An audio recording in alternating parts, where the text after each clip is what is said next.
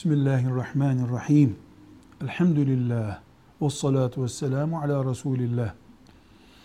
Kur'an-ı Kerim'i açıklayan ilim dalına tefsir adını veriyoruz. Peygamber sallallahu aleyhi ve sellemin hadisi şeriflerini açıklayan kitaplara da hadis şerhleri deniyor.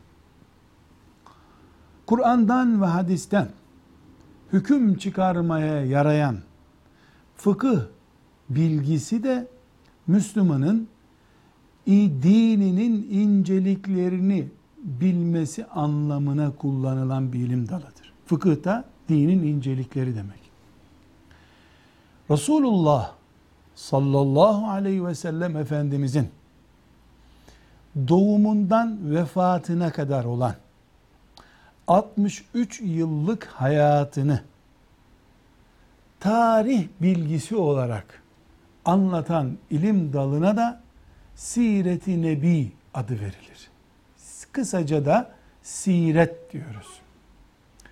Siret-i Nebi tefsir gibi, hadis gibi, fıkıh gibi dinin hükümlerini öğreten bir ilim dalı değildir. Siret-i Nebi Peygamber sallallahu aleyhi ve sellemin hayatını anlatan ilim dalıdır.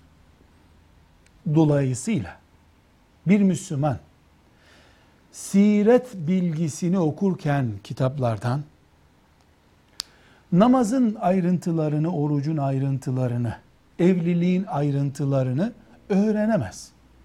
Öğreneceği şey Resulullah sallallahu aleyhi ve sellemin bereketli hayatıdır.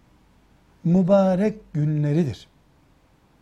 Çünkü Peygamber sallallahu aleyhi ve sellemin sözleri, nasihatleri, açıklamaları ve ayrıntılı bilgileri siret kitaplarında yoktur. Siret kitaplarında sadece filan yerde doğdu, filan tarihte evlendi, filanca ile evlendi şeklinde bilgiler vardır. Nasıl bir evlilik onun sünnetidir? Nasıl bir evlilik Allah'ın rızasına kavuşturur? Nasıl bir namazı Resulullah sallallahu aleyhi ve sellem bize öğretmiştir? Bu ya tefsir kitabında olur, ya hadis şerhinde olur, ya da fıkıh kitaplarında olur.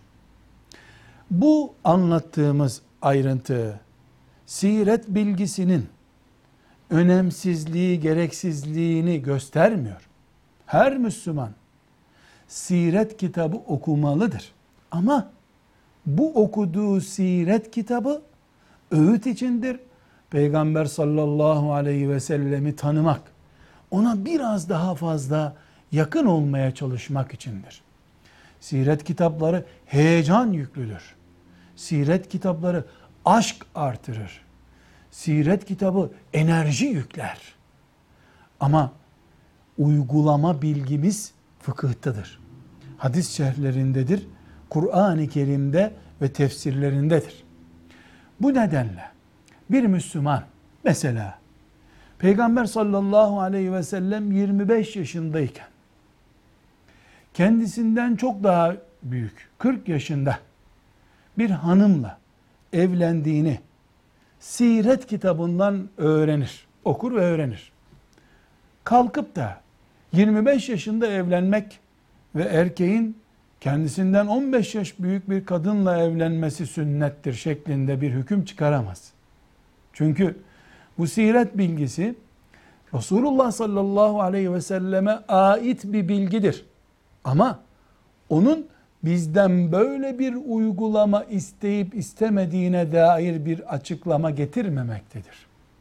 Kaç yaşında ve ne zaman evlenmek gerektiği siret kitabından öğrenilmez. Nitekim namazın ayrıntıları da siret kitaplarında yoktur.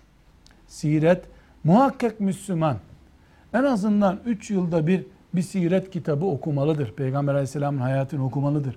Uhud'u bilmelidir, hicreti bilmelidir. Ama heyecan için iman tazelemek ve hangi peygambere, hangi şartlarda peygamber olmuş birisine iman ettiğini öğrenmiş olmak içindir. İlim uygulamak içinse fıkıhtadır, tefsirdedir, hadistedir. Velhamdülillahi Rabbil Alemin.